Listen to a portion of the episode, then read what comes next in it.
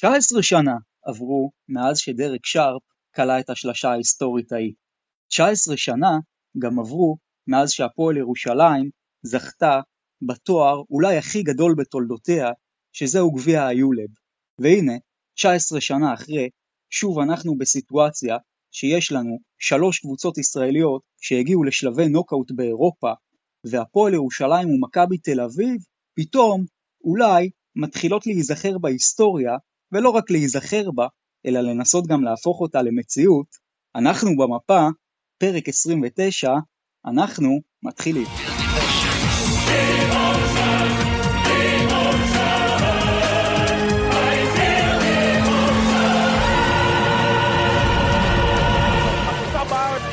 אנחנו במפה ואנחנו נשארים במפה לא רק בספורט, לא הכל. אז אנחנו במאפה, פרק 29, שעה של כדורסל באוטוסטרדה הכי מהירה באירופה, וכאן איתכם, כמו כל שבוע, נתי דרור מהדף טיים אאוט, ואם אתם עדיין לא עוקבים אחרי הדף, אני אזמין אתכם לעקוב, וכמו כל שבוע, כאן איתנו אחד האנשים המעריצים הגדולים ביותר של בויאן דובלייביץ', יועד תורג'מן, שבוע טוב. שבוע טוב, מה, מה שלומך? שלומי אה, מעולה. מה שלומך אחרי המשחק בקובנה? יופי, אני שמח לשמוע ששלומך מעולה. Uh, אני עברתי, יותר נכון, חמישי-שישי של, של קציסת ציפורניים, לא מהעולם הזה. Uh, התחיל קצת לא טוב עם ההפסד בקובנה, אבל נמשך טיפה קצת יותר טוב ויותר מעודד עם הניצחון של פרטיזן במונקו. נקווה לבשורות טובות בשבוע הבא, אנחנו חייבים לנצח את ריאל מדריד, זה מלחמה על החיים. כן, ואנחנו עוד נדבר האם הניצחון של פרטיזן על מונקו היה כזה טוב למכבי תל אביב או שלא, אבל איתנו כאן גם מישהו שממש, איך אומר אפי בירנבוים, חזרנו משדה התעופה. אז הוא באמת חזר משדה התעופה, כי הוא היה בקובנה, אופק ששון, שבוע טוב, מה שלומך? בסדר גמור, ליטרלי לפני 25 דקות נכנסתי הביתה, שתבינו את רמת ה... רמת המחויבות שאני רוכש לכדורסל הישראלי ולישראליות באירופה. חבל על הזמן. וגם הכנו לכם יופי של פרק עם הפועל ירושלים ומה שהיא עשתה בעיקר מול אייק אתונה, מכבי תל אביב, מה שהיא עשתה מול ז'לגיריס קובנה וגם מה ששתי הקבוצות האלה עשו אחת מול השנייה וגם כמובן כל התרחישים למחזור הסיום ביורוליג, מי יכולה לסיים ראשונה, מי יכולה אפילו לא לעלות במקרה של בסקוניה וז'לגיריס ואולי גם פנרבכצ'ה, אנחנו נדבר על זה, וגם כמובן הפועל תל אביב, הכנה לסדרה מול ונציה, סדרה, איזה סדרה? משחק אחד של הפועל תל אביב מול ונציה, אני אומר סדרה ככה בהרגל מה-BCL, אבל זה בסך הכל משחק אחד, משחק נוקאוט, אז אנחנו גם נדבר על זה. ולפני הכל אנחנו מאמצים פה את מה שהתחלנו בשבוע שעבר עם המונולוגים, ואני אתחיל במונולוג שרוצה להסביר לכם את הניואנסים בין עודד קטש לאלכסנדר ג'יקיץ' בשבוע האחרון. ואני מציע להסתכל טוב טוב על הניואנסים בין שני המאמנים, כי יש פה כמה דברים מאוד מעניינים. קודם כל, שניהם לכאורה היו בסיטואציה מאוד דומה.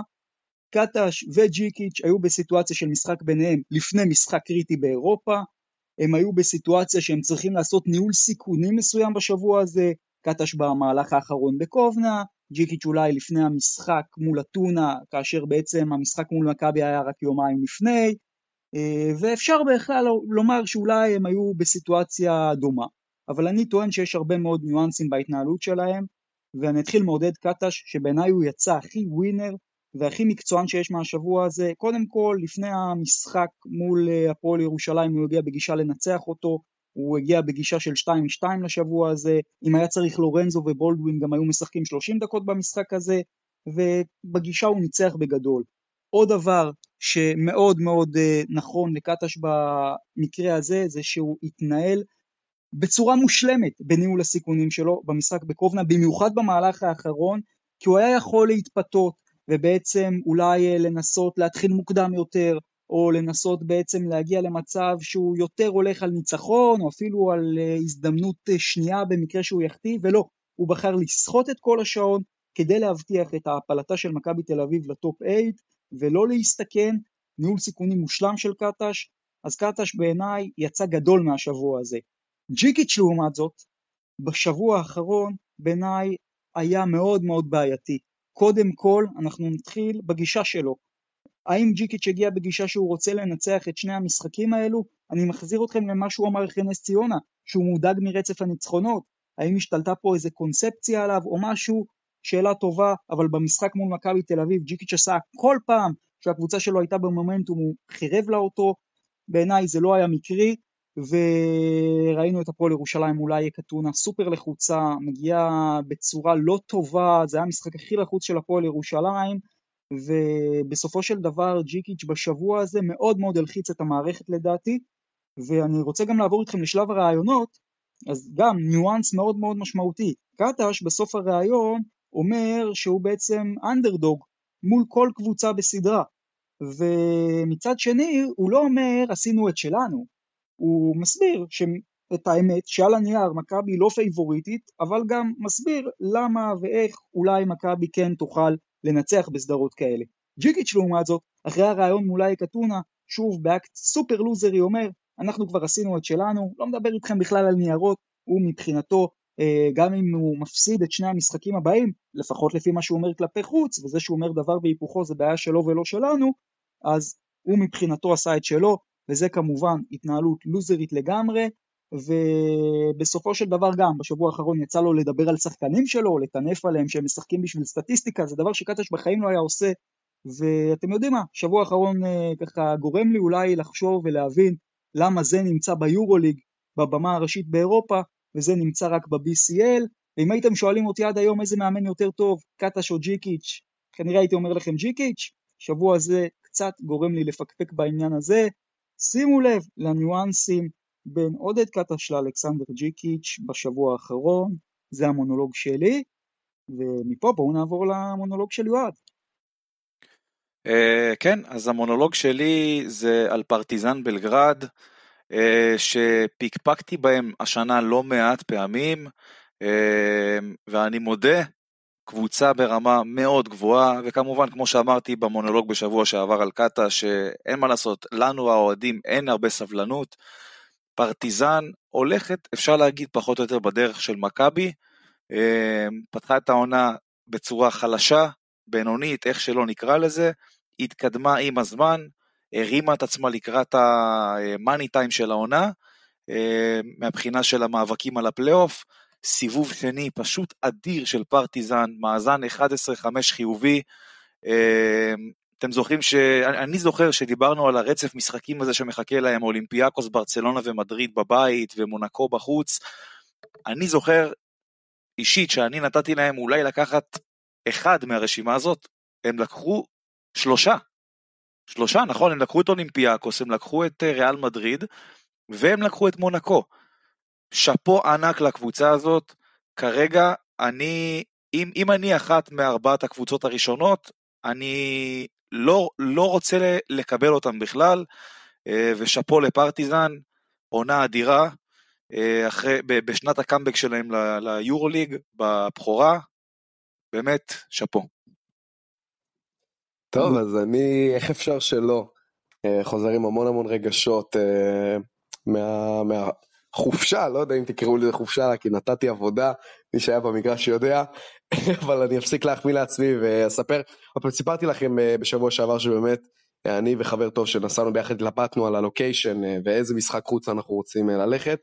ובדיעבד אני כל כך שמח על הבחירה לבחור בליטא ולבחור בקובנה, כי זה היה, אתם יודעים, כמו שמדברים על, כמו שמדברים על המונדיאל שהוא כזה קרנבל של כדורגל. זה היה פשוט קרנבל של כדורסל, כי ליטא בסך הכל, וקובנה עיר מזרח אירופאית קלאסית חמודה, אבל כאוהד כדורסל בשבוע כזה כשז'לגיריס בכותרות זה היה פשוט, נפתחו לי העיניים בכמעט כל רגע שהייתי שם. זה מהנהג מונית, ש... בכל נהג מונית, ליטרלי, כל נהג מונית שנסענו איתו, ידע בדיוק על מה אנחנו מדברים ברגע שאמרנו שאנחנו מישראל, אמר אה מכבי ובראון ובולדווין וכולם מכירים ומלא חנויות של ג'לגיריס ואנשים מסתובבים גם יום לפני, גם יום אחרי עם צעיפים וחולצות. זה כבר הרגשה ש- שהכניסה אותך ל vibe מדהים. במשחק עצמו, קודם כל לא יאמן ש- שבמדינת ישראל אין אולם ב- בסטנדרט הזה וש... אה, קובנה, שהיא לא עיר גדולה מדי ולא במצב כלכלי טוב מדי, צריכה להחזיק לעצמה אה, מתקן באיכות כזאת, לא רק בגודל כזה.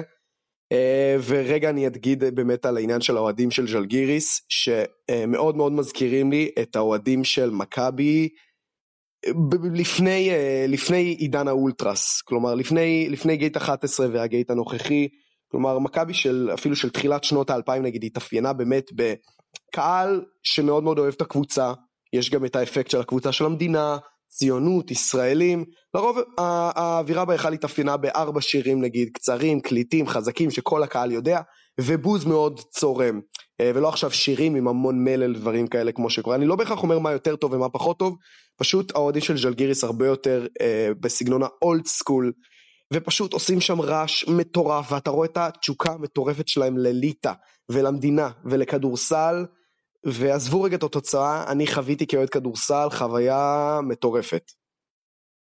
תשמע כמה אני מקנא בך, באמת, אתה, אני שומע פה את מה שאתה אומר, וזה גורם לי באמת, אה, איך לא באתי לשם, איך אני לא, לא חלק מהדבר הזה.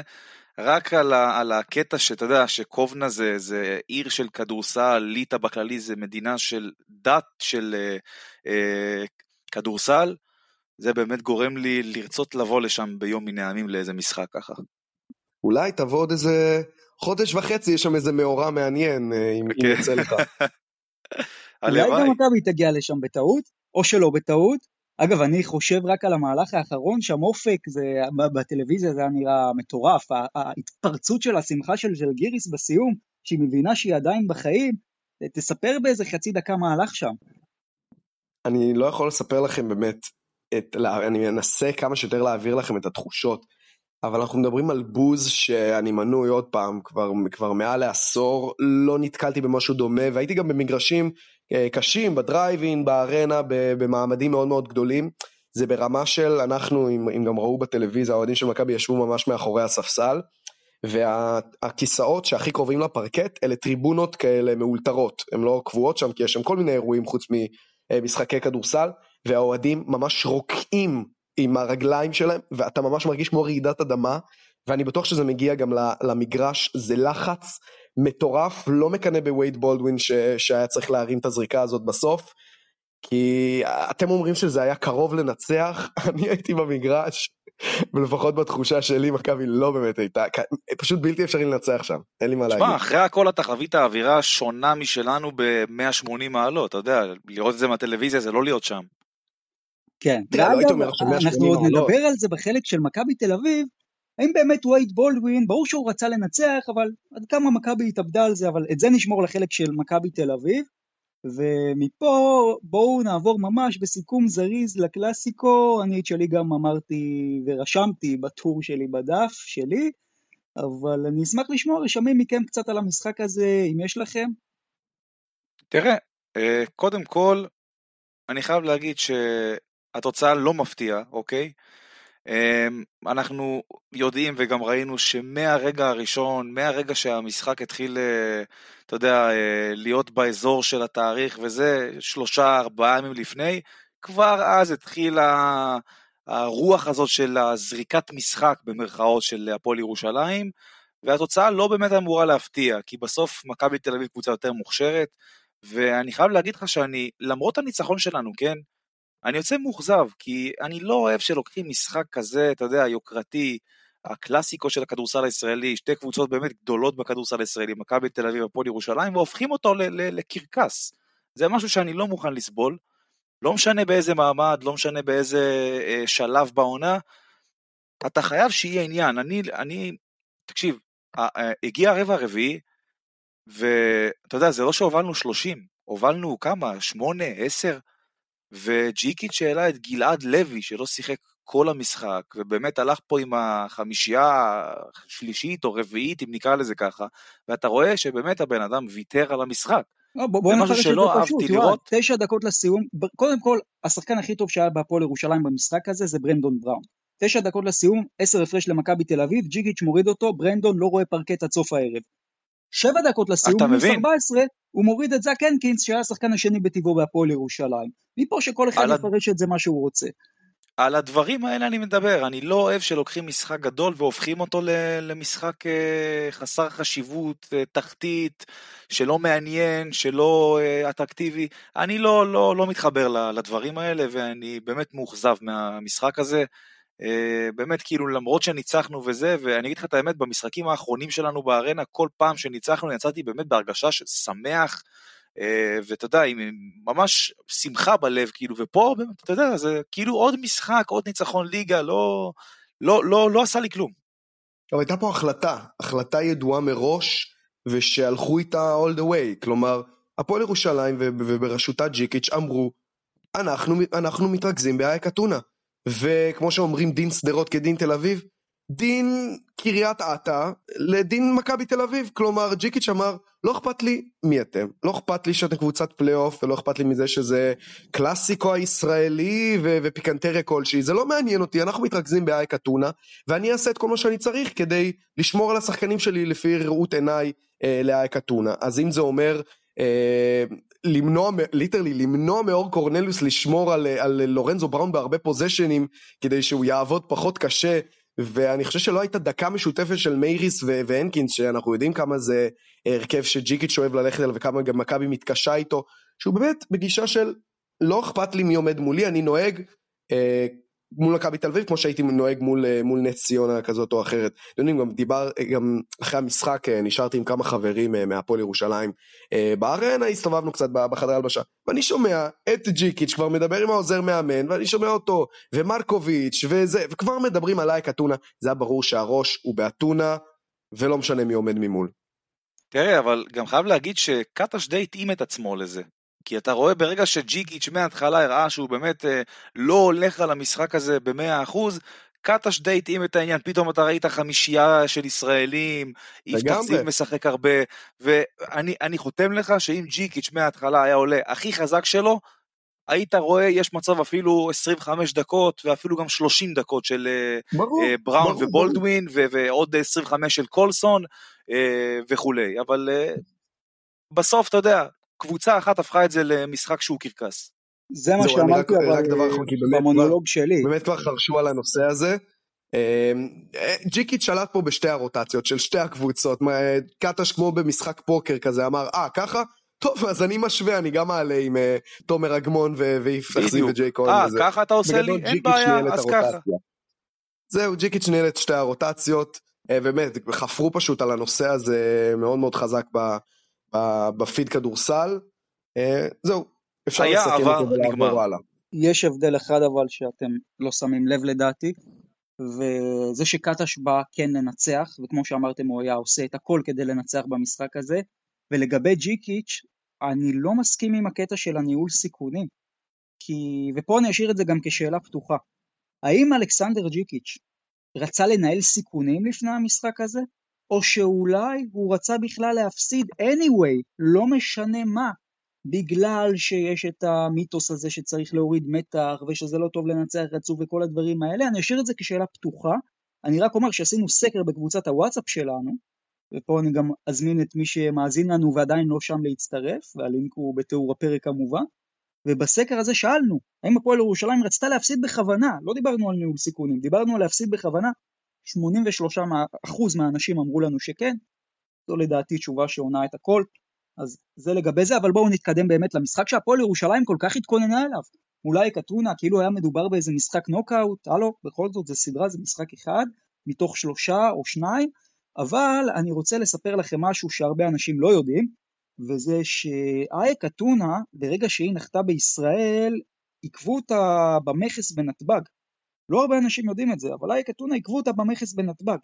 כי אייק אתונה הביאה איתה לישראל חוסר מוכנות ברמה מסחרית, שזה לא קביל במכס הדבר הזה, זה פשוט לא קביל במכס. הם הביאו איתם את, את המזוודות, עכשיו חוסר מוכנות זה לא דבר שאתה רואה במזוודה, כן? אז ראו בנתב"ג את המזוודות הריקות של אייק אתונה, היו בטוחים הם יביאו הרבה הגנה, הרבה, איזה אסטרטגיה מיוחדת, שפנים, שום דבר.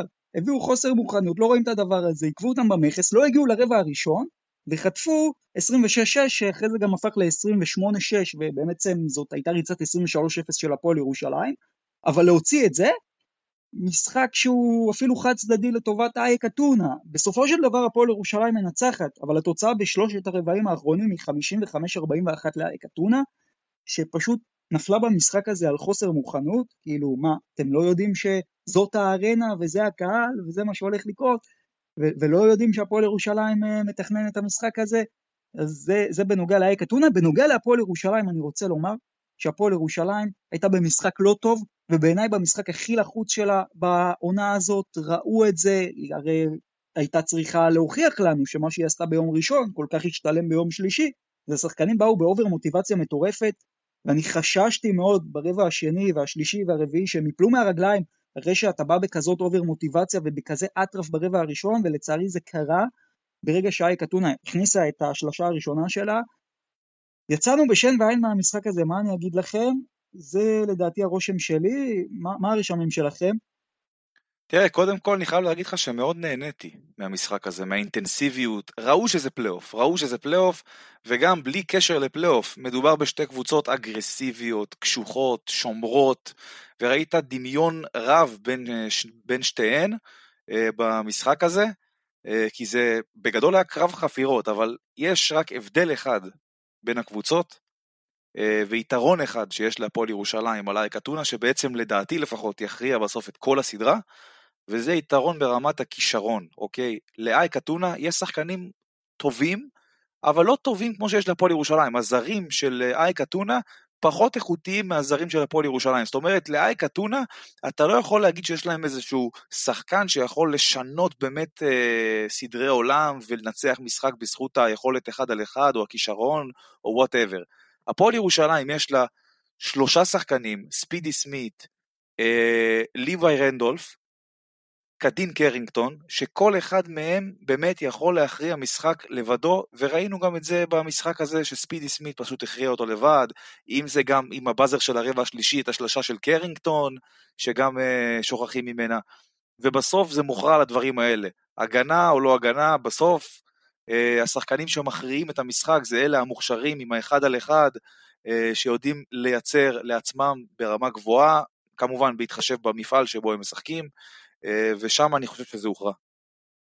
חייב להגיד שאחרי הרבע הראשון לא ראיתי את אייק אתונה חוזרת, למרות ההיסטוריה של החזרות שלה מה, מהשלבים היותר מוקדמים, זה היה מאוד נחרץ מה שקרה שם ברבע הראשון, ובאמת הרגיש שפועל ירושלים יצאה כמו מילוע של תותח, אה, אבל אז אייק התחילו הזריקות שלה קצת יותר להיכנס, ופתאום הביטחון קצת חזר, והביטחון בצד השני קצת, אה, קצת נקטע. בסך הכל אני רוצה, אני חושב שאייק אתונה עשו עבודה טובה, רואים שהם סימנו את זאק הנקינס כמטרה, ובסך הכל במבחן התוצאה הם די, הם די הצליחו, כלומר מסיים עם שתי נקודות, אחד משבע מהשדה, וידענו שאייק מאוד מאוד גבוהה ואייק מאוד גדולה וארוכה, ודווקא במצ'אפ מול הנקינס, שאין מה לעשות, הוא הכוכב של, של הפועל ירושלים, יש להם מצ'אפ יחסית טוב איתו. ובגדול זה היה משחק שהיה, שהיה יכול מאוד מאוד ללכת לכיוונים לא טובים מבחינת הפועל ירושלים, אבל איזה כיף כשיש את אה, סופרמן ספידי סמית ש... בואנה, שחקן קלאץ' שאין להרבה קבוצות באירופה, שחקן ברמה הזאת שלוקח ב isolation באחד על אחד, אומר לכולם זוזו הצידה, לוקח, אם זה ב midrange, אם זה שלשה, הכל off ball, אה, הכל מ... כן, מכדרור, off dribble, ושאפו לספידי סמית, יש לך חתיכת נשק להפועל ירושלים. איך אתה מסביר את ההתקדמות של השחקן הזה השנה? אני חושב שהוא בעצמו אפילו לא מאמין על עצמו למה שהוא עושה. הוא הכריע, הוא, הוא הכריע כל כך הרבה משחקים שזה מדהים. אנחנו באמת מדברים כל הזמן על סיטואציה של שחקנים שזה הרבה יותר גדול לפעמים מכישרון כזה או אחר של שחקן. חייבים להגיד גם בתמונה הכוללת של כל הפועל ירושלים, אני חושב שכמעט כל שחקן בהפועל ירושלים מציג את הכדורסל הטוב ביותר בקריירה שלו. תתנו לי שם אחד שלא עונה על הקריטריון הזה. בהחלט, בהחלט, וזה כמו שאמרת, חלק מהשיטה של ג'יקיץ'. נכון, איך אה, להוציא את המיטב ברמה ההתקפית מכל שחקן. קדין קרינגטון, אבל אתה יודע מה, בוא... נכון, להוציא את קדין. לא, אני כן אומר לך, אבל לגבי הנקינס, זו נקודה מאוד חשובה. הרבה אנשים לדעתי מפספסים פה נקודה. הנקינס לא היה במשחק כזה גרוע. הנקינס היה עדיין העוגן אולי המרכזי ביותר של הפועל ירושלים בהגנה, הוא סיים עם תשעה ריבאונדים, ובסוף הפועל ירושלים מה שהצילה את המשחק זה מה שמצילה את כל העונה, אנחנו לוקחים את זה כבר די כמובן מאליו, אבל הפועל ירושלים עשתה הגנה מטורפת במשחק הזה. ויחסית לקבוצה הגנתית כמו הפועל ירושלים, זאת הייתה אחת מתצוגות ההגנה הטובות של הפועל ירושלים העונה. כי אייק אתונ... מה אפשר להגיד, לדעתך, לדעתכם, שהפועל ירושלים הנוכחית, top חמש קבוצות באירופה, בכל מה שקשור לאספקט ההגנתי? לא באירופה. תשמע, אני, אני, אני לא, לא יודע, אני לא יודע להגיד לך, כי באמת אתה לא יכול למדוד את זה.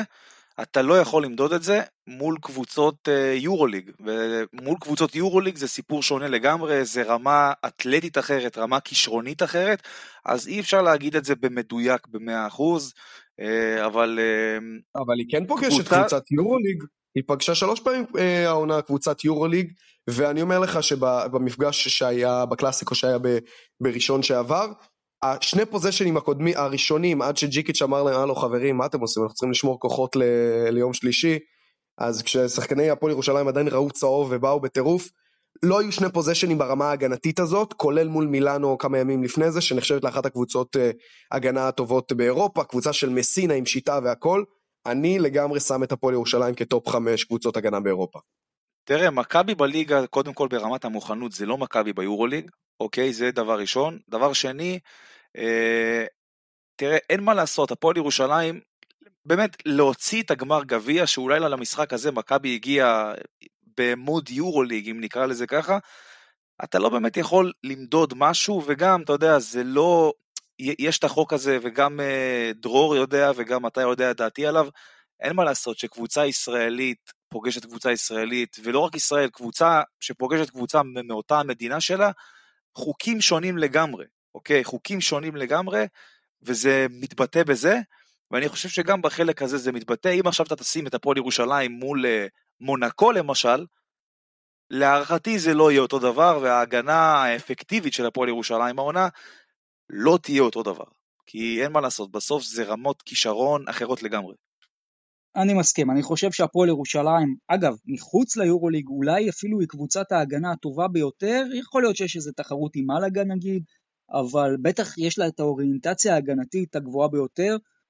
בתוך היורוליג זה מאוד בעייתי, כי אני לא חושב שהפועל ירושלים יכולה להתמודד עם uh, התקפות מאוד כישרוניות כמו שאנחנו רואים ביורוליג, ובסוף, אתם יודעים, uh, יש סיבה שהקבוצה הזאת ב-BCL והקבוצות האחרות ביורוליג, אבל uh, אני גם רוצה, אתם יודעים, לקחת אתכם למשחק 2 שהולך להיות באתונה ביום רביעי, ובואו אולי נדבר קצת על המפתחות של הפועל ירושלים, כי ראינו בארנה, נגיד שם שאוהדי הפועל ירושלים מאוד אוהבים, קני וויליאמס, שמאוד יכול להיות שבסדרה הזאת הם יתחילו מאוד לא לאהוב את השם הזה, כי הוא פחות או יותר היה הבן אדם היחיד, יחד עם אקיל מיטשל, שתפקד באיית אתונה.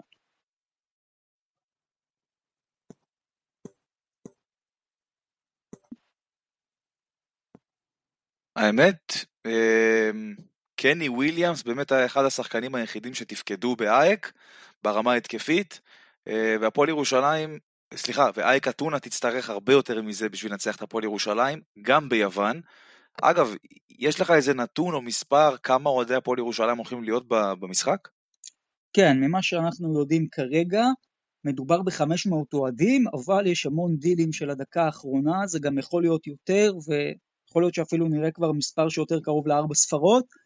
אבל יש, יש טירוף בכלל, בקרב אוהדי הפועל ירושלים יש טירוף אה, לקראת אה, המשחק הזה, אנחנו גם מכירים אנשים שטסים בבוקר וחוזרים בערב, ובאמת אנשים עושים הכל כדי להיות במשחק הזה, וזה בכלל תחושה מיוחדת בהפועל ירושלים, כי היא יודעת שניצחון כנראה יבטיח לה אירוח של גמר אה, של פיינל פור ה-BCL, לא בטוח, אבל זה יקרב את זה מאוד, ובכלל להגיע לפיינל פור ב-BCL, הפועל ירושלים חולמת על זה כבר חמש שנים, מאוד מאוד קרובה לזה במשחק 2. אם אתם שואלים אותי, אגב, מבחינת מה הפועל ירושלים צריכה קצת יותר ללטש, לשפר, אז קודם כל זה את אה, משחק ההתקפה שלה כמובן.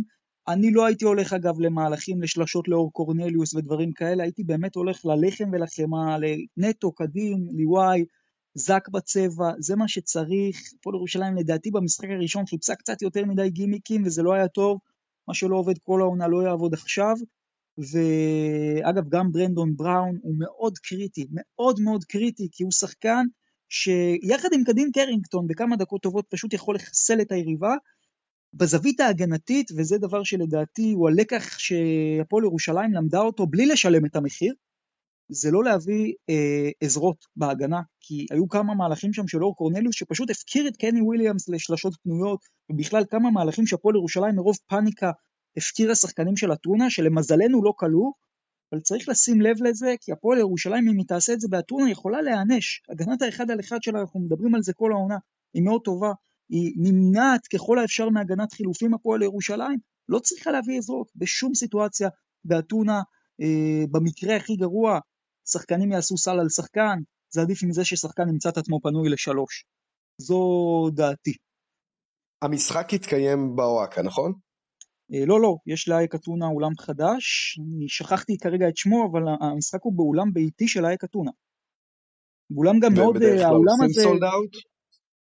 כן, והאולם הזה הוא גם מאוד, הוא יותר ביתי מהוואקה. הוואקה מאוד גדולה, מאוד רחבה, האולם הזה הוא אולם שבסופו של דבר אייק מרגישה בו מאוד בנוח העונה, ולצורך העניין ראיתי אפילו את המשחק שלהם מול מלאגה שם, לא, לא היו חיים קלים למלאגה, אז נכון שברבע האחרון אייק אתונה נפלה מהרגליים, כי אין לה באמת רוטציה רחבה, אבל הפועל ירושלים יהיה לה מאוד קשה, ובואו נעבור באמת לשלב של ההימורים. מה לדעתכם יקרה? הפועל ירושלים סוגרת את זה ב-2-0, אני רק אזכיר להפועל ירושלים אין הפסד חוץ העונה ב-BCL. אמ, קודם כל, אה, מחכה לנו משחק די דומה באופי שלו למה שראינו בארנה אה, בשבוע שעבר. אני חושב שזה ילך למשחק שלישי, שאותו הפועל ירושלים תיקח, אבל זה כבר נושא אחר. אני חושב שאייק אתונה אה, תיקח את המשחק הזה, כי אין מה לעשות, אווירה ביתית זה משהו שאי אפשר להתעלם ממנו. כן, טוב, אחרי שבהימור הראשוני שלי כבר נכשלתי, גם אני וגם אתה, דרור. אמ, משחק חוץ מאוד קשה, אז נכון, אה, הפועל ירושלים במאזן חוץ מושלם, אבל זה, זה, זה קהלים שהיא עדיין לא פגשה במעמדים האלה.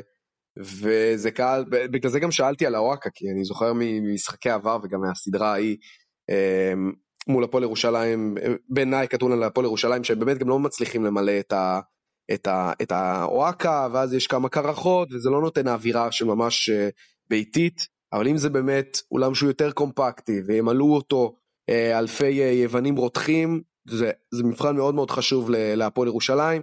בגדול צריכה להישאר רגועה. להיצמד לדברים שהיא הרגילה את עצמה, אה, והיא, והיא, וזה לא מילה גסה להגיד שהיא תחזור, אה, תחזור לפה עם, אה, עם ניצחון ותסגור את הסדרה. אני הולך עם ניצחון אדום. אז גם אני הולך עם ניצחון אדום, שזה סותר ולא סותר את ההימור הראשוני שלי.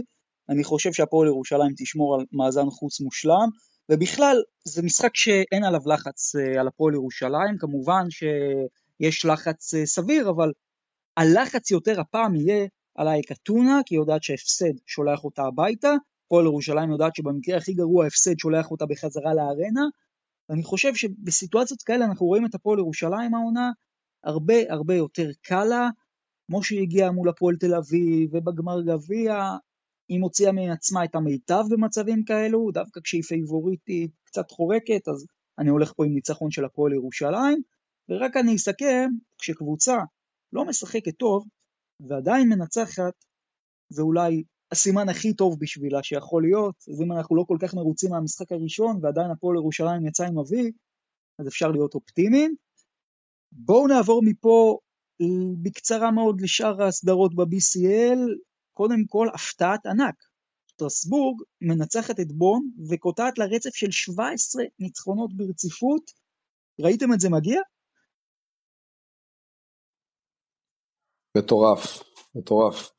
בכללי היה שם משחק, אה, משחק מדהים. היה משחק מדהים, ויותר מזה אני אומר, מרקוס קין, כמה סלי באזר יש לשחקן הזה העונה? אני זוכר בחולון, בירושלים שבסוף רנ, רנדולף ענה לו בסל שלו, ועכשיו בבון, זה לדעתי סטארט-אפ חדש, השחקן שתמיד יקלע לך את הסל המנצח. ברור שהוא לעשות, חלק מה... יש, יש שחקנים... הוא של השחקנים שיעשו את ה step-up ליורוליג אה, בשנה הבאה, זה כבר, זה כבר די ברור ש... שהוא יתפוס את המקום שלו שם. יש שחקנים שזה ב-DNA שלהם, הסלי קלאץ' האלה. אין מה לעשות. יש כאלה שיש להם את זה ויש כאלה שאין להם את זה. ולא כנראה יש את זה.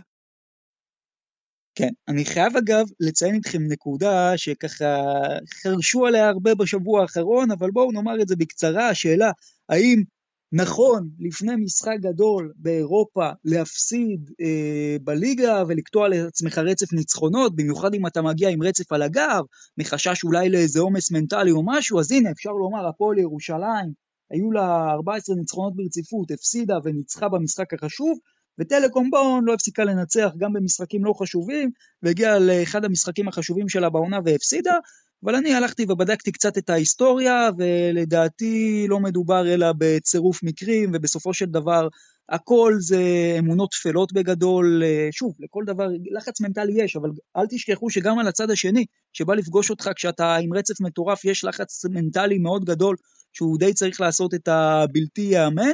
אז קודם כל נתחיל בקבוצה שריגשה את כולנו וכולכם זוכרים, אה, דינמו סאסרי, אם אתם זוכרים, הייתה קבוצה שבשיאה גם היו לה 22 ניצחונות אה, ברציפות. אה, לפני חצי גמר היורופ-קאפ מול חולון היו לה שבעה ניצחונות ברציפות, לפני לצורך העניין רבע הגמר 16 ניצחונות ברציפות, לא הפסידה בכוונה והרוויחה בגדול, הגיעה עד לגמר באיטליה וזכתה ביורופ-קאפ, והדוגמה אולי הכי בולטת ומפה אנחנו גם אה, נעבור לחלק הבא של התוכנית למכבי. מכבי תל אביב של 2005, בואו תקבלו את הנתון הבא. 15 ניצחונות ברציפות היו למכבי תל אביב ב-2005 עד לשלב שהגיע לרבע הגמר מול פזרו, לא זרקה משחק אחד לפניו, ניצחה כמובן 2-0 את רבע הגמר מול פזרו, 21 ניצחונות ברציפות עד לפיינל 4 היורוליג באותה עונה, 26 ניצחונות ברציפות עד לסדרת הגמר באותה עונה, והיא סיימה את העונה הזאת עם 29 ניצחונות. האם הייתה קבוצה אחת באירופה שסיימה עונה עם 29 ניצחונות ברציפות? אני לא זוכר. אתם זוכרים? אני זוכר את ריאל מדריד לפני לדעתי חמש או שש שנים שגם היה לה רצף ניצחונות של... זה היה, זה היה בקידומת 2, אני בטוח, אה, אבל אני לא, לא סגור על המספר המדויק. אבל זה, זה היה באזורים האלה. טוב, אז על 2005 דיברנו, העונה הזאת זה לא 2005, אבל מכבי תל אביב יכולה אולי אה, לראשונה מזה תשע שנים לנצח משחק פלייאוף ביורוליג. זה לא קרה תשע שנים. היא מאוד מאוד קרובה לזה, במיוחד ביכולת שהיא מציגה. בואו נדבר קצת על מה שהלך בקובנה. תנו לי את הרשמים שלכם. קודם כל, לפחות לפי מה שאני ראיתי, משחק כדורסל ברמה מאוד גבוהה. אמ, תשמעו, ז'לגיריס פה נלחמה על החיים שלה, בואו לא נשכח, לפי התוצאה של בסקוניה מול וילרבן, הפסד של ז'לגיריס והיא הייתה מודחת מהמפעל באופן רשמי. אז אה, זה עוד משהו ש, שצריך אה, לציין. אה, אבל כן, כמו שאמרתי, משחק כדורסל ברמה מאוד גבוהה. ברבע השני מכבי הוציאה לפועל מהלכים התקפיים שהיה באמת כיף לראות. והיה משחק אגרסיבי שתי הקבוצות נשכו מתי שהיה צריך, אמ, קרב ענק, אה, קצת חבל לי כי וואלה, בסדר, אני יודע מה אתה רוצה להגיד אופק, אבל לפי מה שאני ראיתי, יכלנו לקחת את המשחק הזה, למרות הבוז הצורם שדיברת עליו מקודם, וזה גם, אפשר להגיד, היה אצלנו ביד יחסית, כאילו, אתה יודע, הגענו לסיטואציה שאנחנו ביתרון 2, עם כדור ביד, משהו כמו דקה ועשר שניות לסיום המשחק, ובולדווין קיבל את אולנובס בחילוף, ובמקום לקחת אותו לסל ולסחוט ממנו עבירה, או אפילו לעשות עליו סל ולהעלות את זה לשתי פוזיישנים, הוא לקח עליו שלשה אה, וטעה. אה, על ההחטאה הכפולה של אה, ניבו מתחת לסל אני לא מדבר, אבל זה כן משחק שיכלנו לקחת ולשים אותנו במצב של, אתה יודע, ניצחון בשבוע הבא מול ריאל מדריד, והולכים לסדרה מול מונקו, לא משנה מה שאר התוצאות, וכאן זה חבל לי, אבל אפשר להגיד שזה טיפה סודר עם התוצאה של פרטיזן אה, מול מונקו. אה, אבל אני חושב שמכבי בסוף יוצאת די מרוצה מהמשחק הזה, כי המטרה הושגה, היא הבטיחה את הפלייאוף, אה, וגם בהתחלה אה, דרור דיבר על קטש וההתנהלות שלו במשחק הזה, הוא היה מודע לעניין הנקודה, ועשה נכון גם שבפסק זמן דרש למרוח את כל ההתקפה ולקחת זריקה אחרונה בסוף שעון, או שמנצחים או שמפסידים נקודה. אנחנו מבטיחים פלייאוף בסוף המשחק הזה, והיא מה. נכון, עוד פעם, מה אם, מה אם, כאילו, אם ניבו באמת היה מכניס את, ה... את הקרש סלים האלה. אני מאמין אבל שעל כל החטאת קרש סל של ניבו, יש שלושה משלושת רבעי מגרש של בולדווין. כך שהדברים מתקזזים בסופו של דבר, זה חלק מה... מהעולם הזה. איזה סל, אלוהים ישמור, איזה סל. תקשיב, אתה בתור אחד שהיה שם, מה, מה, מה היו התגובות? קודם כל לרגע אני בעצמי הייתי צריך לעכל כי לפני שאני מסתכל על הפרצופים של, האנשים מסביבי אבל היה, היה איזה הלם של איזה שש שניות של שקט הס אבל ברמה של כאילו אתה שומע את ההליכות של השופטים. אמ, איזה סל אלוהים. והרבה רעש מהספסל של מכבי אה, ואז כולם יצאו מההלם ונזכרנו שיש לנו עוד רבע רביעי אה, רבע, רבע וחצי לשחק. אמ, בסך הכל אפשר לראות שז'לגיריס מאוד מאוד התכוננה למכבי. כלומר היא מאוד מאוד שיחקה על החולשות של מכבי. באמת תמנע את בראון בולדווין, מאוד מאוד הקשתה על, על, על מכבי להגיע לפואנטות. הרי אנחנו יודעים שבסך הכל בארסנל כלים של מכבי זה מתחיל מ pick and roll שמשם מתגלגל או ליכולת אישית של בראון או בולדווין, או בקדור לדוגמה של בונזי, אה, או ניסיון לכווץ את ההגנה ואז למצוא, אה, למצוא 3-4 או אחד מהקלעים בפינות. וברבע הראשון ובפרט ברבע השני זה עבד. רבע שלישי, רבע רביעי, ראית שז'לגיריס בא עם משהו אחר. קצת בדומה להפועל ירושלים, שיש לה שחקן, אופן, יכולה להרשות את זה לעצמה, כי יש לה את אחד השחקנים הגבוהים ששומרים גארדים מהטובים שאני מכיר, ואתם יודעים שאני מאוד מאוד נהנה להקנית אותו, וזה איתי שגב, אז גם ז'לגיריס כאן עם הייז, כלומר אפילו הכריחה את החילופים שהייז יקבל את, ה, את הגארדים, וראיתם שזה מאוד מאוד משבש את משחק, משחק ההתקפה של מכבי, ושהיא ממש מנסה לגרד סלים מפה, מהרצפה, מכל מקום מנסה לגרד נקודות, מאוד השפיע על הסקור. תוסיף לזה את האווירה המטורפת שאתה נמצא בה, זה באמת, זה סיר לחץ שאני לא יכול לתאר לכם, ואני לא יודע כמה זה עובר בטלוויזיה. אמ, בגדול יצאנו, יצאנו בטעם חמוץ מתוק כזה, אמנם הפסד, אבל, אה, אבל עשינו פלייאוף, זה, מכבי צריכים לטפוח אה, לעצמם על השכם. תראה, אני, אני חייב פה להוסיף משהו. החבר'ה, אתם שוכחים, אנחנו באנו לשחק מול קבוצה שנלחמת על החיים שלה, זאת אומרת, היא יודעת מה המשחק המקביל, שזה בסקוניה מול וילרבן, והיא יודעת שהפסד הערב היא הולכת הביתה בעצם. ועצם העובדה שבאנו ובאמת היינו איתם לפרקים אפילו טובים מהם, אה, ושיחקנו מולם שווה בין שווים, ובאמת כמעט ניצחנו את המשחק הזה. זאת קבוצה שלא מזמן, אתה יודע, כמעט גרמה אפילו לאולימפיאקוס שם להזיע. זאת קבוצה שמונקו שיחקה שם לפני שבועיים והפסידה דו-ספרתי.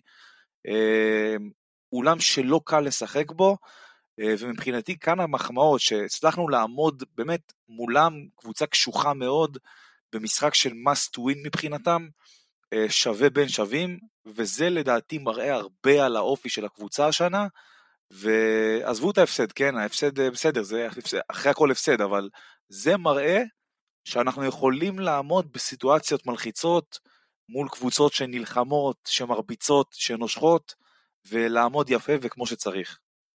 יש עוד שני דברים שצריך לקחת בחשבון. דבר ראשון, מכבי תל אביב, לו הייתה מפסידה את המשחק הזה בנקודה יותר, היא היום הייתה במצב שהיא רועדת מפחד לקראת המחזור האחרון, כי עדיין לא הייתה מבטיחה את ה top 8, והתרחיש של 12 אה, הצירופים שדיברנו עליו, פתאום היה נראה כתרחיש שעומד לקרות, ואמרנו אז בזמנו שכל צירוף לכשעצמו יכול להיות הגיוני, אבל שביחד קשה להאמין שהכל יקרה, ובינתיים מכבי יוצאת בשן ועין מהתרחיש הזה, אבל הדבר השני שצריך לזכור, ז'לגיריס יכולה מאוד מאוד להצטער בדיעבד, על זה שאולי היא לא עשתה עבירה וניסתה לנצח בשתיים, כמובן היא לא הייתה צריכה לעשות את זה בזמן אמת, אבל עדיין יכול להיות תרחיש אה, של בית משולש של מכבי ז'לגיריס בסקוניה, זה אם מכבי תפסיד, בסקוניה וז'לגיריס ינצחו וגם פנרבחצ'ה ופרטיזן ינצחו, זה לא כזה אגב מופרך שזה יקרה, ובתרחיש הזה ז'לגיריס לא עולה, כי יש לה נקודה פחות במאזן הפנימי שם אה, מול אה, מכבי במינוס 16, מכבי במינוס 15, בסקוניה בפלוס 31 כשכל קבוצה עם שתי ניצחונות, זה יכול להיות סופר אכזרי, גם לזה צריך אה, ככה לשים את זה באספקט מסוים, כי גם ז'לגיריס הייתה לה דילמה במהלך האחרון, שלדעתי שתי הקבוצות נהגו בצדק ובצורה מאוד חכמה, ומפה אני רוצה לקחת אתכם לפלייאוף, מי היה מאמין? מכבי בפלייאוף, והפעם בלי כוכביות, בלי מלחמות ברוסיה, בלי קוביד, בלי שום דבר, ויש דיון מאוד סוער בימים האחרונים, איזו קבוצה עדיפה למכבי? מה, מה אתם אומרים? כי אני שומע רק לא ריאל מדריד, כן אולימפיאקוס, לא אולימפיאקוס, ברצלונה, מה, מה, מה אתם חושבים? תראה, קודם כל, אמ, באמת, אני חושב שלקבל את ריאל מדריד זה הכי גרוע שיכול להיות. אין לנו מצ'אפ מול הקבוצה הזאת בשום סיטואציה, בשום צורה, אוקיי? היתרון במרכאות שיש לנו על הקבוצה הזאת זה כביכול בגארדים, אבל אתה יודע, ברגע שהם שמים על uh, לורנזו בראון את אדם הנגה, שיכול לחסל גארד ב-level של לורנזו בראון, וה size של uh, דז'אנן מוסה על וייד בולדווין, איכשהו הדברים האלה מתקזזים, ובקו הקדמי אין מה לדבר, אין לנו את הכלים להוציא את טבארס מהצבע, תשים לב שקבוצות שמשחקות מול ריאל מדריד ומנצחות אותה, יש להם את הגבוה הזה שקולע ומאיים מבחוץ, הגבוה עם ה-IQ גם, אה, שילוב בין השניים נגיד, אתה יודע, אתן לך דוגמה, למשל את פרטיזן, שיש לה את אה, אה, סמייליאגיץ' ואת לסורט שהשנה מראה איי-קיו יוצא דופן, אלה כלים שמול קבוצה כמו, כמו ריאל מדריד זה, זה חשוב ועוזר במצ'אפ, למכבי אין את זה, למכבי בגדול יש קו קדמי, עמדה חמש, די חד גונית עם ג'וש ניבו שאתה יודע הוא שחקן טוב והוא נותן באמת הוא בתקופה אדירה אבל זה לא המצ'אפ הכי טוב מול טווארז זה מצ'אפ איום ונורא מול טווארז ואני חושב שריאל מדריד זאת אולי הקבוצה היחידה מכל הרביעייה הראשונה שמסוגלת להדיח את מכבי תל אביב בסוויפ. גם צריך השאר... להגיד יועד, צריך להגיד uh, לגבי ריאל מדריד שגם בולדווין וגם בראון מאוד מאוד אוהבים להשתמש בגובה שלהם ובא, ובאתלטיות שלהם uh, לטובתם. וראינו את זה נגיד מול uh, שבאז נייפייר שבולדווין פירק לו את הצורה.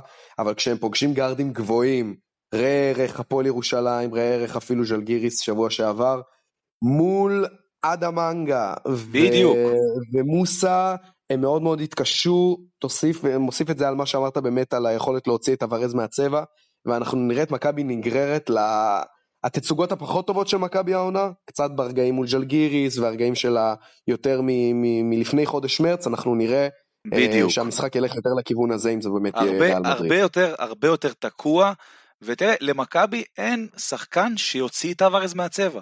אין, סורקין לא קולע מבחוץ, בסדר, הוא קלע מול מילאנו, אבל זה לא משהו להסתמך עליו. ניבו שחקן שלא זז מהצבע, מה שאומר שטוורז יחנה בצבע, כנ"ל גם וינסנט פואריה, אה, ולך תחפש לעשות סלים בצבע, אם אתה לא קולע מבחוץ אין לך מה למכור, אוקיי, עכשיו עזבו את ריאל מדריד כי אני חושב שכולם מסכימים שהמצ'אפ הכי גרוע הוא מולם.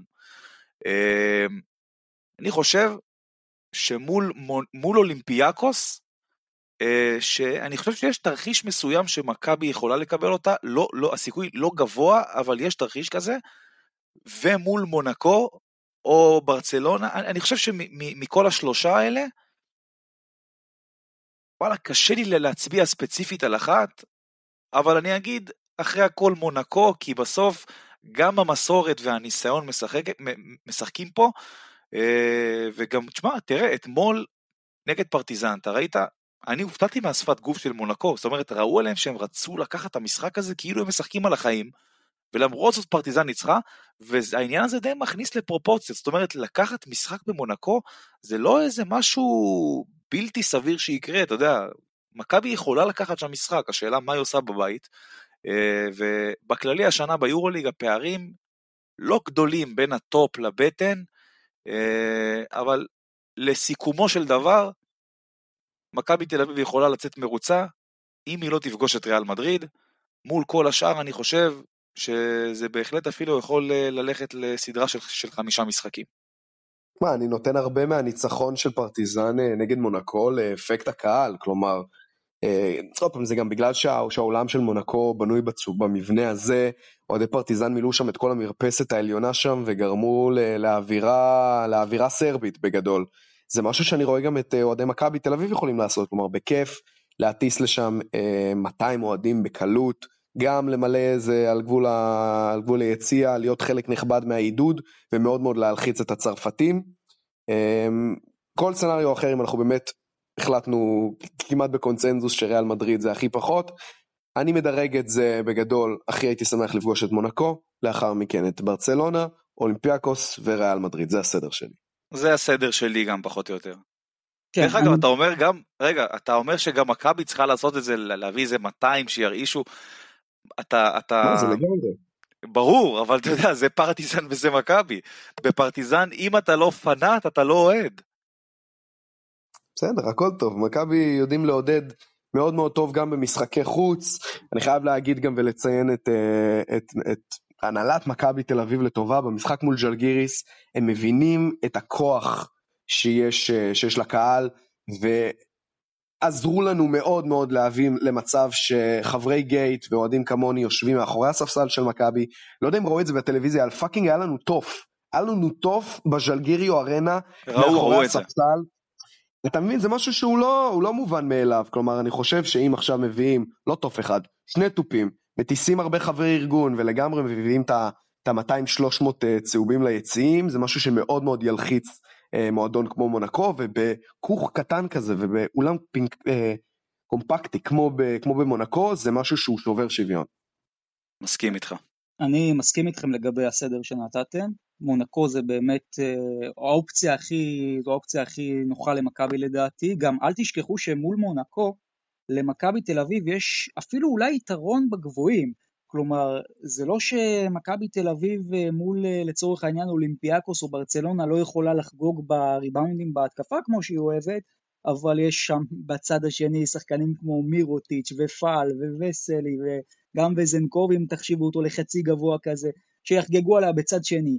מונקו, עם כל הכבוד לג'ון בראון, אני לא כזה רואה מי חוגג על מכבי בתוך הצבע, זה אולי הרבה פעמים יותר הגארדים, גם בלוסון. תראה, אני מסכים, אני מסכים עם מה שאמרת, שיש דמיון בקו הקדמי, כאילו, אתה יודע, שחקן כמו דון תיאול, שהוא שחקן מטורף, כן, אבל בסוף, זה סגנון שמאוד מזכיר את ניבו, וגם דונטס מוטיונס, זה שחקן שהוא כן משחק בחוץ, ו- ומדי פעם אתה תראה איזה שלשה ממנו, אבל בסוף זה שחקן פנים, זה הבסיס שלו, וזה די מזכיר את סורקין, כמובן שפיזית, לא יודע כמה, כמה אפשר להשוות בין השניים, אבל כן, ב- ב- ברמת הקו הקדמי אני חושב שהם, שזה די, שהקבוצות מזכירות אחת את השנייה. כן, אבל בוא, בוא גם נשים את זה בהקשר, קודם כל, לדעתי מכבי לא פייבוריטית מול אף קבוצה, אבל מונקו זה הכי לא, קל זה לדעתי. ברור. זה כן. ברור. אחרי, אחרי זה הייתי שם את אולימפיאקוס, אבל הטוויסט שלי זה שהפער הגדול הוא בין אולימפיאקוס לברצלונה. אני מסכים שריאל היא הכי חזקה ובעייתית, מבחינת מכבי אגב, אבל אני חושב שיש הבדל מאוד גדול בין אולימפיאקוס לברצלונה. ברצלונה קשה לי להאמין שמכבי יכולה אפילו להצמיד איכשהו את הסדרה הזאת, כי עם כל זה ששרס קורס במאני טיים והכל, לא יודע, זה, זה, זה מסובך, כי זאת הקבוצה הכי מוכשרת ביורוליג בסופו של דבר, לפחות לפי מה שאני חושב. יש להם באמת אה, כישרון בלתי נגמר, הם יכולים בסדרה הזאת, גם אם שרס עושה טעויות, לתת לעצמם מרווח ביטחון מאוד גדול, אז זה לדעתי, ואני רוצה לקחת אתכם מפה לחלק של היורוליג עצמו. אה, אני אגיד לכם משהו עליי, כי אתם יודעים, אני לא אוהד אף קבוצה ביורוליג, וככה כל שנה יש לי איזה קבוצה שאני מתאהב בה תוך כדי העונה. אה, אני אתן לכם רק מהשנים האחרונות, אז ב-2018 זו הייתה ז'לגיריס קובנה, שאני הייתי בין הראשונים לזהות את מה שיכול להיות מהם, וגם בסופו של דבר היה מהם, וב-2019 זו כמובן הייתה צסקה מוסקבה, וב-2020, 21, 22, איך אפשר שלא עם הנדולו אפס ושיין לארקין, והעונה הזאת פרטיזן בלגרד. באמת, אני כל כך אוהב את הקבוצה הזאת, כי פרטיזן בלגרד היא, היא פשוט הקבוצה שמשחקת את הכדורסל, לא המושלם, אבל כן כדורסל שאני מאוד אוהב, מאוד התקפי, גם מוכיחה לכולם, בניגוד למקובל לחשוב, שלא תמיד אתה חייב הגנת ברזל כדי להגיע לאנשהו. הנה, פרטיזן בלגרד באמת עם אחת ההגנות הלא טובות ביורוליג, מצליחה לעשות דברים מאוד יפים, וההתקפה שנהפכה לאיזה overrated בתקופה האחרונה אצל הרבה מאוד אנשים, חוזרת ובגדול אצל פרטיזן בלגרד, מי אגב היה מאמין שזליקו ברדוביץ' יהיה אחראי לדבר הזה, מאמן שהטיקט שלו ברוב השנים היה הגנתי, ובכלל עם הקהל כמו שהזכרתם, תקשיבו, פרטיזן היום במצב ניצחון, סוגר אותה במקומות 5-6, הפסד יכול לדרדר אותה רק עד המקום השביעי, זה הישג ענק לקבוצה הזאת, זה הישג ענק. חד משמעית, מסכים איתך לגמרי. דרך אגב, אני לא מקנא בקבוצה שתפגוש אותם בפלייאוף. בכלל לא מקנא, ואני עוד יותר לא מקנא בקבוצה שתאבד לה את הביתיות. אם זה יקרה, זה על ההיסטור. זה מבוא למלחמת עולם שלישית בשטארק ארנה. אנחנו הולכים לסדרות פלייאוף מטורפות. אני לא זוכר שנה שבה סדרות פלייאוף כל כך שוויוניות. אמ, ואני באמת, אני, בכל scenario כמעט אני רואה אופציה להפתעה. כלומר, קשה לי להאמין שיהיו פה סוויפים אה, מזלזלים כאלה. גם בסקוניה, גם פרטיזן, גם מכבי וגם fucking פנרבכצ'ה. תהיו בטוחים שהארבע הראשונות אה, זה לבחור בין נבלה וטרפה את מי הם רוצות לפגוש. תראה, הפערים בין הארבע הראשונות לארבע האחרונות שם, הם לא גדולים, הם ממש לא גדולים, כאילו, אתה יודע, גם תסתכל לפי המאזנים, אתה יודע, זה פערים מזעריים לחלוטין של אה, אה שלושה, ארבעה משחקים גג, כאילו, זה העונה הכי שוויונית של היורוליג, ואני חושב שבסדרות של העונה, באמת הכל פתוח, הכל יכול לקרות. איזה שחקן זה קווין פנתר, אה? מאז הימים באייק אתונה עם שלשת ה-Oh Baby המפורסמת מול אה, נימבורג, כמה סלי קלאץ' יש לבן אדם הזה? דיברנו על מרקוס קין קודם, לפנתר יש יותר, ללא ספק, איזו שלשה הוא שם שם בסוף, מה זה? קווין פנתר זה רוצח פר אקסלנס. אני לא יכול להימנע מה... מכמה שהוא מזכיר לי את קווין דורנט. עכשיו גם בגלל שלדורנט יש את ה... הייתה התקופה בברוקלין עם מספר 7 והמדים השחורים, אז זה בכלל אה, גורם, אבל גם הזריקה שלהם דומה. שלא לדבר בכלל על המהלך האחרון נגד מונקו, וואי, זה נתן לי הבזקים מטורפים ל... ל... לקווין דורנט. מטורף. בואו נעבור לפנרבכצ'ה, אני רוצה לעבור איתכם לתסריט האימים של פנרבכצ'ה, כי דיברנו על זה גם בפרק הקודם, אבל פנר עדיין ממש לא בפנים. אגב, היורוליג כבר הוציא הודעה שפנר עלתה, אבל uh, הם עשו איזה פשלה כי הם כנראה לא לקחו בחשבון את התסריט הכי הכי פשוט, שפנרבכצ'ה מפסידה לכוכב האדום, בסקוניה מנצחת, ג'לגיריס מנצחת, ותגידו שלום לפנרבכצ'ה, יחד עם זאת נציין שאם פנרבכצ'ה מנצחת היא במקום החמישי בוודאות, קצת uh, ככה דיסוננס, כי מצד אחד היא תלויה בעצמה למקום חמש, מצד שני היא גם מאוד קרובה למקום תשע, לחץ, לחץ, לחץ אצל איטודיס. בהחלט, תראה, וואו, תראה, לבוא למשחק מכריע בבלגרד מול הכוכב האדום, למרות שאין להם על מה לשחק, כן? אה, אבל אחרי הכל, אין מה לעשות, זה המנטליות, זה סרבים, שם באים, לא משנה מה, באים לשחק תמיד, יש על מה לשחק, אין על מה לשחק, זה לא משנה, אתה בא, הם באים עכשיו בשביל להרוס לפנרבכצ'ה, הם רוצים שהשם שלהם, של המועדון, יהיה אחראי לזה שפנרבכצ'ה בסוף לא עשתה שמיניה. על זה הם יבואו להילחם בלשחק, אה, ובאמת משימה לא קלה בכלל לפנרבכצ'ה. המזל של פנרבכצ'ה זה שמנגד הם יצטרכו, בשביל להיות מודחים, הם יצטרכו גם שבסקוניה תנצח בפיראוס. Uh, אולימפיאקוס עדיין לא הבטיחה את המקום הראשון, בגלל ההפסד לכוכב, לא, לאותה כוכב האדום. Uh, והם יבואו בשביל לנצח את המשחק אני מאמין, כי אולימפיאקוס כמובן תעדיף לסיים ראשונה, ולא לרדת מתחת לזה. אה, אז כן, זה משחק must עבור פנרבכצ'ה, והיא צריכה פה באמת אה, לתת הכל, כי יש מצב זה משחק על עונה. שמע, זה משחק שמגדיר מחדש את המושג אה, משחק על החיים, כאילו, כשה, כשהאופציות ניצחון, אם אתה מנצח את המקום חמישי על סף ביתיות, לא באמת, כי כבר אי אפשר להבטיח ביתיות, אבל באופן תיאורטי על סף ביתיות, הפסד וסצנריו לא כזה תלוש מהמציאות, ואתה מוצא את עצמך בחוץ, אין, אם, אם, אם זה לא משחק על החיים, אז אני לא יודע מה זה משחק על החיים. הכי על החיים שיש. ותראו במחזור הזה בסופו של דבר כל קבוצה שהייתה צריכה את הניצחון לקחה אותו גם ז'לגיריס גם בסקוניה שרקדה על וילרבן אגב על וילרבן אני רוצה להגיד לכם אנחנו כל הזמן מדברים על אלבה ברלין אני לא מבין מה הקבוצה הזאת עושה ביורוליג וילרבן כאילו באמת זה עונה מבישה של הקבוצה הזאת באמת לא, לא מבין מה, מה, מה היא תורמת טוני פארקר טוני פארקר, יש שם גם כסף, אני חושב שגם לא מזמן הוא הודיע שהתקציב הולך לעלות, ויהיה מאוד מעניין לראות מה הם יעשו שנה הבאה. אמ, ותכל'ס זה העניין איתם. אגב, מה עם המסך שירד על העונה של אנאדולו אפס, חבר'ה? מה... מה עם המסך ומה עם וויל קלייבורן? לי, לי זה כאב. ומה עם וויל קלייבורן ודדס? מי זה היה שם? דדס, לא? דדס, כן, כן, דדס. אבל עזוב את זה עכשיו, בוא, בוא, בוא אה, אה, נתעסק בכדורסל. לא האמנו. מה זה? לא, אתה בא, לא... משחק על החיים שלך. אתה חוטף 100 עזוב, נקודות. עזוב, זו עונה שלמה. באמת. זו עונה שלמה, אנחנו כל הזמן, גם בעונות קודמות היה איזה, את האלמנטים האלה קצת, שאנחנו מדברים, הנדולו, בסוף תתעורר, בסוף זה. לא יודע, משהו לא עבד שם העונה, הרבה מאשימים את אנטה זיזיץ', הרבה מאשימים את עייפות החומר, קשה לי לשים את האצבע על משהו מדויק. אני רק יכול לומר שזה כישלון ענק של ארגין התאמן, שכל כך פרגנו לו בתחילת העונה, אז העונה הוא נכשל בגדול, ובכלל של כל השחקנים שם. וזה היופי בספורט, זה היופי בספורט, כלום לא בטוח. זה רק מראה לנו כמה הענף הזה הפכפך ומעניין.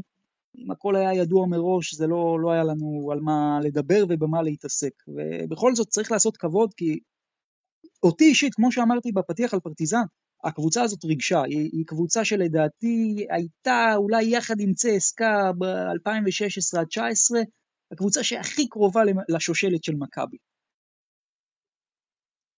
זה לדעתי מבחינת... כן. תשמע, זה... לגבי, לגבי הנדולו אפס, זה היה על גבול הפואטי, איך שמסתיימת העונה האירופית הנוכחית של, של הנדולו, כי זה באמת בטונים הכי צורמים שאפשר, עם כל תקרית אטאמן איטודיס, דדס קלייברן, כי זה פשוט כישלון שהוא בלתי ייאמן.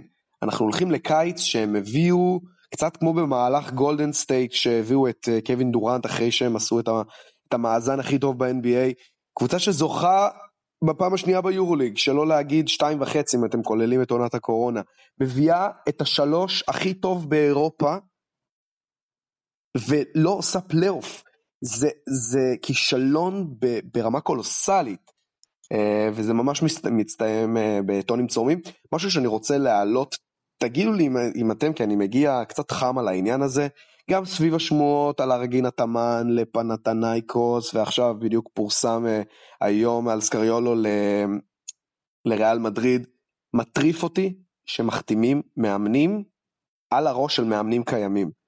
למה צ'וס מטאו, שצריך כרגע להוביל את ריאל מדריד מינימום לסדרת פלייאוף, ומצפים ממנו שהוא יעשה גם, אה, שהוא יעשה גם גמר וגם זכייה, צריך לראות בתקשורת שכבר מתנהלים משא ומתן, שמתנהל משא ומתן מתקיים עם מאמן על הראש שלו. איזה, איזה מין צורה יש לדבר הזה? תראה, אין שום בעיה עם הדבר הזה, יש רק בעיה אחת, שזה יוצא החוצה. וזה הבעיה היחידה. לא יודע, גם אה, באופן כללי, אם אתה... אני לא כל כך מסכים איתך, אוהד. אם אני עכשיו ריאל מדריד, אני לא חושב שזה נכון לי עכשיו לנהל משאים ומתנים, גם כשאני יודע שזה יצא החוצה, כי אי אפשר באמת לשלוט על זה. אה, אפשר, כש... בהחלט אפשר, בהחלט אפשר, אף אחד לא, לא, לא מדליף הסכמה על כולם. אל תשכח שיש שני צדדים בכל סיפור. אתה יכול לשלוט על עצמך, לא על הצד השני. יכול להיות, אבל אה, אתה, אתה יודע, היו מקרים של משאים ומתנים שנשמרו בחדרי חדרים ואף אחד לא שמע עליהם עד שזה היה רשמי. לא חסר דברים כאלה, ותשמע, כל קבוצה עושה את זה, זה לא זה משהו חדש. כל קבוצה מנהלת משא ומתן לפני סיום עונה עם מאמן או שחקן כזה או אחר, זה לא איזה מקרה לא, חריג. בקטע הזה אני כן מסכים איתך, שמי שמפחד מהחום שלא ייכנס למטבח, אבל... אז אני חלוק בדעתי, אבל אה, כן, אני יכול להבין את שניכם בקטע הזה. פשוט בסיטואציה כזאת זה נראה לי קיצוני, כי אתה יודע, מילא על פנתנייקוס הסיפור שם גמור, וארגינה תמן גם הנדולו גמורה, מילא יאללה מקבל, לא צריך אה, רק, ב, רק ב, בראשון ביוני מתחילים אה, שיחות, אה, שיחות כאלה. אבל שוס מטאו בפלייאוף, כאילו אופציה למקום ראשון, קצת כבוד מינימלי ל, לעוזר מאמן שהיה כמעט עשור עם פבלו לאסו, כאילו בעיניי זה, זה הפקרות. כן. טוב, בואו נעבור להימורוליג, לא דיברנו על בסקונה אולימפיאקוס, נדבר על זה בהימורוליג. אנחנו מתחילים עם ככה קצת אה, להתחמם לקראת המאורע, אלבה וילרבן, אני אומר אלבה, אתם? וילרבן. כן, מעניין מה אחוזי רייטינג למשחק הזה. אה, אני אלך עם אלבה. לדעתי על אה, תוכניות של אה, חיים שכאלה לפני 30 שנה יש יותר רייטינג מהמשחק הזה. משחק שכן יהיה לו רייטינג, הכוכב האדום פנרבחצ'ה, מה אתם אומרים? וואו וואו וואו וואו וואו. יאללה, הכוכב האדום, כוס עמק. הכוכב האדום. אתה שם את פנר בחוץ כנראה. בוא נראה מה אתה מהמר ב... טוב, אנחנו עוד לא יודעים מה אתה מהמר באחרים, הכוכב אתה אומר. אוקיי, כן. יותר נכון, יותר נכון מקווה. משחק שמבלגן ומשפיע על כולן וכל הקבוצות שמדברות על פלייאוף נושאות עיניים למשחק הזה, כי הוא קריטי בטירוף לכולן. אה, אני הולך עם פנרבכצ'ה. הלב רוצה הכוכב האדום, אבל אני, לא, לדעתי איטודיס לא יפסיד את זה, אז אני אומר גם אה, פנרבכצ'ה. אולימפיאקוס בסקוניה, אולימפיאקוס. זה יהיה צמוד, אבל אולימפיאקוס.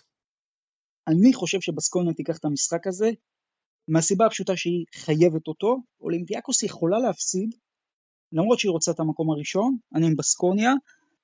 בואו נעבור למשחק הבא, מכבי ריאל. מכבי תל אביב. Hmm, מכבי. אני גם פה הולך הפוך מכם, אני חושב שריאל תנצח, ולו רק בגלל העובדה שהיא יודעת שניצחון מעלה לה את הסיכוי לפגוש את מכבי עצמה. זה יכול לא רק מעניין. תלוי בה.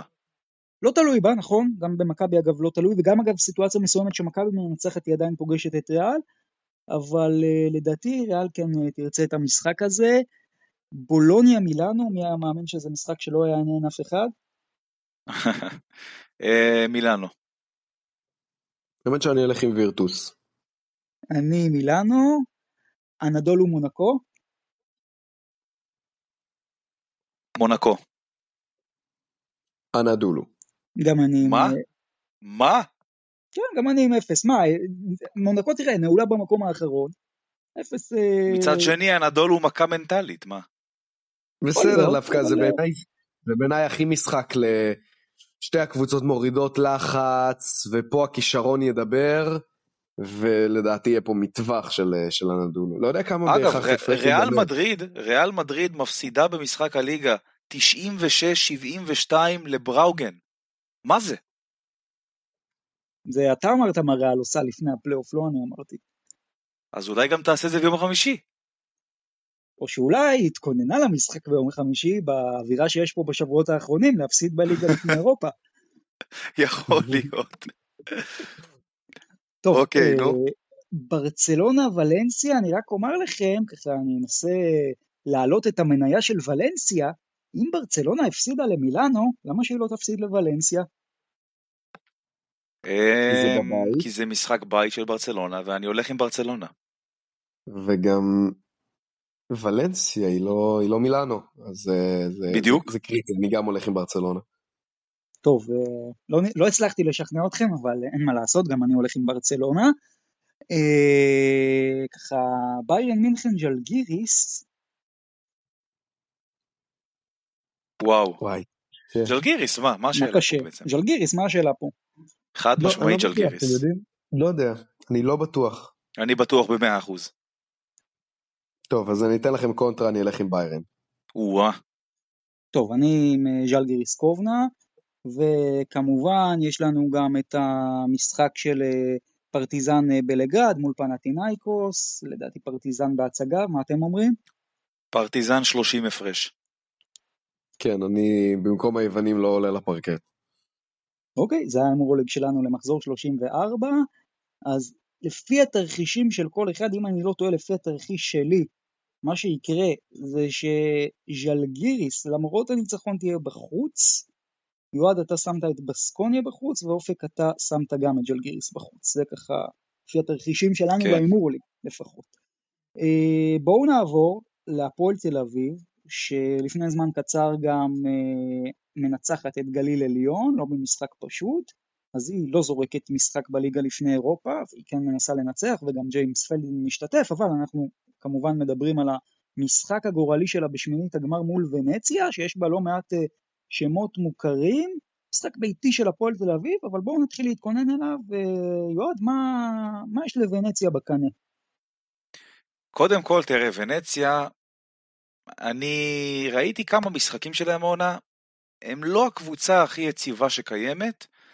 מאמן אותה מישהו שאנחנו מכירים טוב מאוד, קוראים לו נבן ספחיה, אמ, וזאת בגדול קבוצה שקשה מאוד לצפות אותה, זאת אומרת, היא לא יציבה, וזה גם די מתבטא במאזן העונתי שלה, אה, בליגה האיטלקית היא על 12-12, את היורו-קאפ היא סיימה על ב-9-9, אה, ממוקמת שמינית בליגה האיטלקית, אה, ויש שם גם כמה שחקנים מאוד מוכרים, ג'ייסון גריינג'ר למשל, וטרן יורוליג אפשר להגיד אפילו, אה, עבר כל כך הרבה קבוצות, אה, השנה הוא די פושר עם המספרים, כאילו הוא לא מפתיע יותר מדי כאילו, אבל מאכזב, הוא בגדול... לא? זה 27 מה אחוז זה? לש... אפילו מאכזב אני חושב, רק 4 אסיסטים, 27 אחוזים לשלוש. כן, כן, אחוזי הקליעה שלו השנה לא מרשימים בכלל, אה, וכמובן מיטשל וואט. מיטשל וואט, שזאת כבר עונה שלישית או רביעית שלו במועדון, אם אני לא טועה, רביעית, כן? אה, והוא כבר, הוא השנה אחד הסנטרים הכי דומיננטיים ויעילים ביורו-קאפ, אה, עם 13 נקודות למשחק, אה, וכמובן ה power forward שלהם, דרק וויליס, stretch four, סכנת נפשות להשאיר אותו פנוי, עומד על 49% מחוץ לקשת, בהחלט לא האיש להתעסק איתו. ולגבי, זה, זה לגבי ונציה, לגבי הפועל תל אביב אני חושב שהמפתחות העיקריים שלהם לקחת את המשחק הזה, קודם כל הגנתית, אוקיי? הגנתית, כי התקפית זו קבוצה שיכולה ביום נתון לעשות חצרות, הם יצטרכו את ג'יי פי טוקוטו כי זה שחקן שיכול לעשות את ההבדל. ברמה ההגנתית הוא אחד השומרים היותר טובים שיש לקבוצה, אולי ביחד עם גיל בני, אה, שלוחץ את הכדור מצוין. אמ, וכמובן התקפית הפועל תצטרך את כל הגארדים שלה, מקריי, מנפורד, אה, ג'קובן, בשיאם. אה, חייב כאן להגיד שמקריי ומנפורד, העונה ביורו-קאפ מחברים ביחד 30 נקודות למשחק, אה, שזה מספר עצום, כן? והם יהיו חייבים את הצמד הזה בשיאו בשביל לקחת את המשחק הזה, ובשורה התחתונה העונה של הפועל תל אביב מתחילה השבוע. האם נכון יהיה להגדיר את המשחק הזה, הגארדים של הפועל תל אביב מול הפורוורדים של ונציה? אמ, וואלה, יש, יש אה, סיטואציה שכן, כאילו, יכול להיות שכן, אבל גם הגארדים בוונציה יכולים להיות אלה שיעשו את ההבדל. כן, ואני גם אוסיף שאנחנו כל העונה מדברים על זה, אבל בסוף הפועל תל אביב בסיטואציה הנוכחית צריכה להבין שאין דרך חזרה. זה משחק אחד, ובסוף היא חייבת לבוא בדרך אחרת ממה שהיא מגיעה לכל משחק ביורו-קאפ. אין מה לעשות, היא צריכה להיות מוכנה לכל תרחיש, גם לתרחיש שהיא בפיגור לקראת הסיום, גם בתרחיש שהיא פותחת חזק. ראינו את הפועל ירושלים לא מוכנה לתרחיש שהיא פותחת ב-20 הפרש, גם לתרחיש כזה צריך להתכונן. מה אנחנו עושים כשאנחנו ביתרון 20? אם אתם זוכרים, כל הנאום שלי אחרי גרנד קנריה היה שהפועל תל אביב לא מוכנה לסיטואציות מסוימות, ופה יהיה המבחן הראשון של העונה, לראות האם היא מוכנה או לא, אז מאוד מאוד מעניין מה שיהיה ב... בעצם בדרייב-אין ביום כן, רביעי. דרך אגב, רק נוסיף, לא מזמן, לפני שבוע וחצי או שבועיים, ונציה ניצחה במילאנו בליגה האיטלקית, אה, וזה כבר, אני חושב, די סוג של איתות לא, לא, להפועל תל לא אביב. בכלל. תיזהרו. וכן, כן, אני אומר, הם לא יציבים, אבל הם יכולים ביום נתון להפתיע, ואתה באמת לא יכול להבין מאיפה זה בא, ואני מקווה בשביל הפועל תל אביב שזה לא יקרה ביום רביעי. גם אני. הימורים שלכם? הפועל? תל אביב. אני מקווה שהפועל תל אביב לא מגיעה על מי מנוחות וגם הקהל שלה אה, צריך לבוא בשיא כוחו. אנחנו יודעים כמה הדרייבין האימתני כשהוא, כשהוא בשיא שלו, לא לזלזל בוונציה אה, ולתת לה את הכבוד, הפועל תל אביב תנצח. גם אני הולך עם הפועל תל אביב, אבל לדעתי בחד ספרתי, אבל היא תהיה שם. ומכאן, לקראת סיום, בואו נסיים את התוכנית עם אה, מחווה למה שקרה לפני 19 שנה, שלדעתי זה המשחק שאני לפחות אה, הסתכלתי עליו הכי הרבה פעמים, אני כמובן מדבר על נס ג'לגיריס, אה, באמת משחק שהוא השראה ו- והכל. אה, נקודה שאני רוצה להעלות איתכם על נס ג'לגיריס, מעבר כמובן לדברים המוכרים, זה שצריך תמיד לזכור שהנס הגדול, הרי מכבי לא פיגרה שם ב-20 הפרש. יתרון השיא של ג'לגיריס היה 6 הפרש ברבע האחרון, 8 הפרש בכל המשחק. אה, אומנם זה קרה 6 הפרש הזה 15 שניות לסיום, אבל זה לא היה משחק שמכבי לא הייתה בו. אבל הנס הגדול הוא שז'לגיריס ניצחה במשחק, אולי במשחק הכי טוב שלה באותה עונה. באמת היא שיחקה נהדר עם סבוניס ובגצקיס במשחק הכי טוב שלו באותה עונה. ו- ועד קוטה פתאום עושה 12 מ-12 מהקו, שחקן שכל פעם שהוא הלך פעמיים לקו באותה עונה, החטיא לפחות פעם אחת, ובאמת ז'לגירי שיחקה פנטסטי, ומכבי דווקא הייתה מאוד לחוצה, וראינו את פארקר פתאום מחטיא שם פעמיים מהקו בדקות האחרונות, ובכלל התחושה הייתה שזה אנדרדוג מול פייבוריט קלאסי, ואיכשהו מכבי עדיין לקחה את זה. אם אתם שואלים אותי, זה אחד מהמשחקים הגדולים בהיסטוריה של הענף, בטח באירופה, וגם למרות שזה לא היה שם 20 הפרש, אחד מהקאמבקים הגדולים במיוחד, לאור מה שקרה בשניות הסיום, היו שם צירופים שמבחינה סטטיסטית הם לא אפשריים.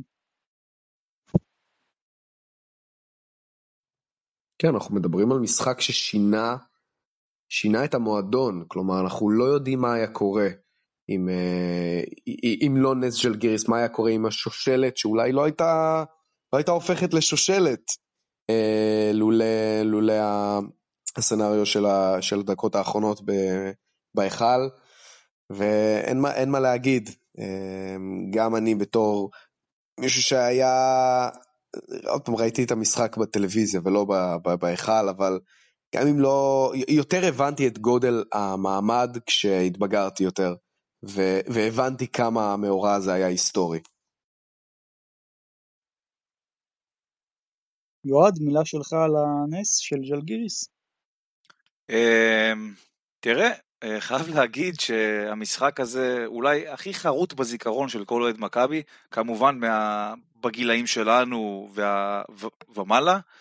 אמ, אני חושב שאם לא המשחק הזה, מכבי תל אביב לא הייתה מכבי תל אביב היום, כאילו. זאת אומרת, המועדון היה קיים, כן, אבל זה לא היה... האימפריה הזאת שצמחה מאז, זה לא היה מה שהיא היום. היא לא הייתה מה שהיא היום, והמשחק הזה, אני מגדיר אותו כנקודת המפנה של מכבי תל אביב, מ... אתה יודע, עוד, עוד מועדון אה, שאפשר להגיד שייך לעבר, כי לפני זה, מתי כאילו, אתה יודע, שנת 2001 הנפנו, אה, ועוד לפני זה ב-81, זה היה סוג של, אתה יודע, איפשהו באמצע, אבל בסופו של דבר המשחק הזה הפך את מכבי תל אביב למה שהיא היום. טוב, אני מסכים עם כל מילה, ופה נחתום את אה, פרק מהדורת החג הארוך שלנו, בשבוע הבא אנחנו נהיה פה כרגיל עם הפועל ירושלים שאולי כבר תהיה בפיינל פור של ה-BCL ואולי תהיה לפני המשחק הכי מכריע שלה בעונה הזאת עד עכשיו, מכבי תל אביב שנדע סוף סוף גם מי היריבה בפלייאוף, הפועל תל אביב שאנחנו נדע האם היא ממשיכה איתנו לרבע הגמר או שהיא מודחת, אז הולך להיות שבוע מעניין מאוד בשבוע הבא, אנחנו נהיה כאן ונאחל לכולם המשך אה, חג שמח ושבוע שקט ונתראה פה בשבוע הבא. שבוע מצוין חברים, מועדים לשמחה, אה, בשורות טובות לכולם גם שיהיה. שבועות הכי יפים והפרקים הכי טובים שיהיו לנו פה, זה פרקים שאתה פשוט לא, לא קרוב לי יכול לחזות מה בכלל יהיה ה lineup לפרק הזה, ויכול להיות שנספיד פה קבוצות, ויכול להיות שנהלל פה קבוצות, אה, וזה כל הכיף במה שאנחנו עושים. ביי ביי חברים.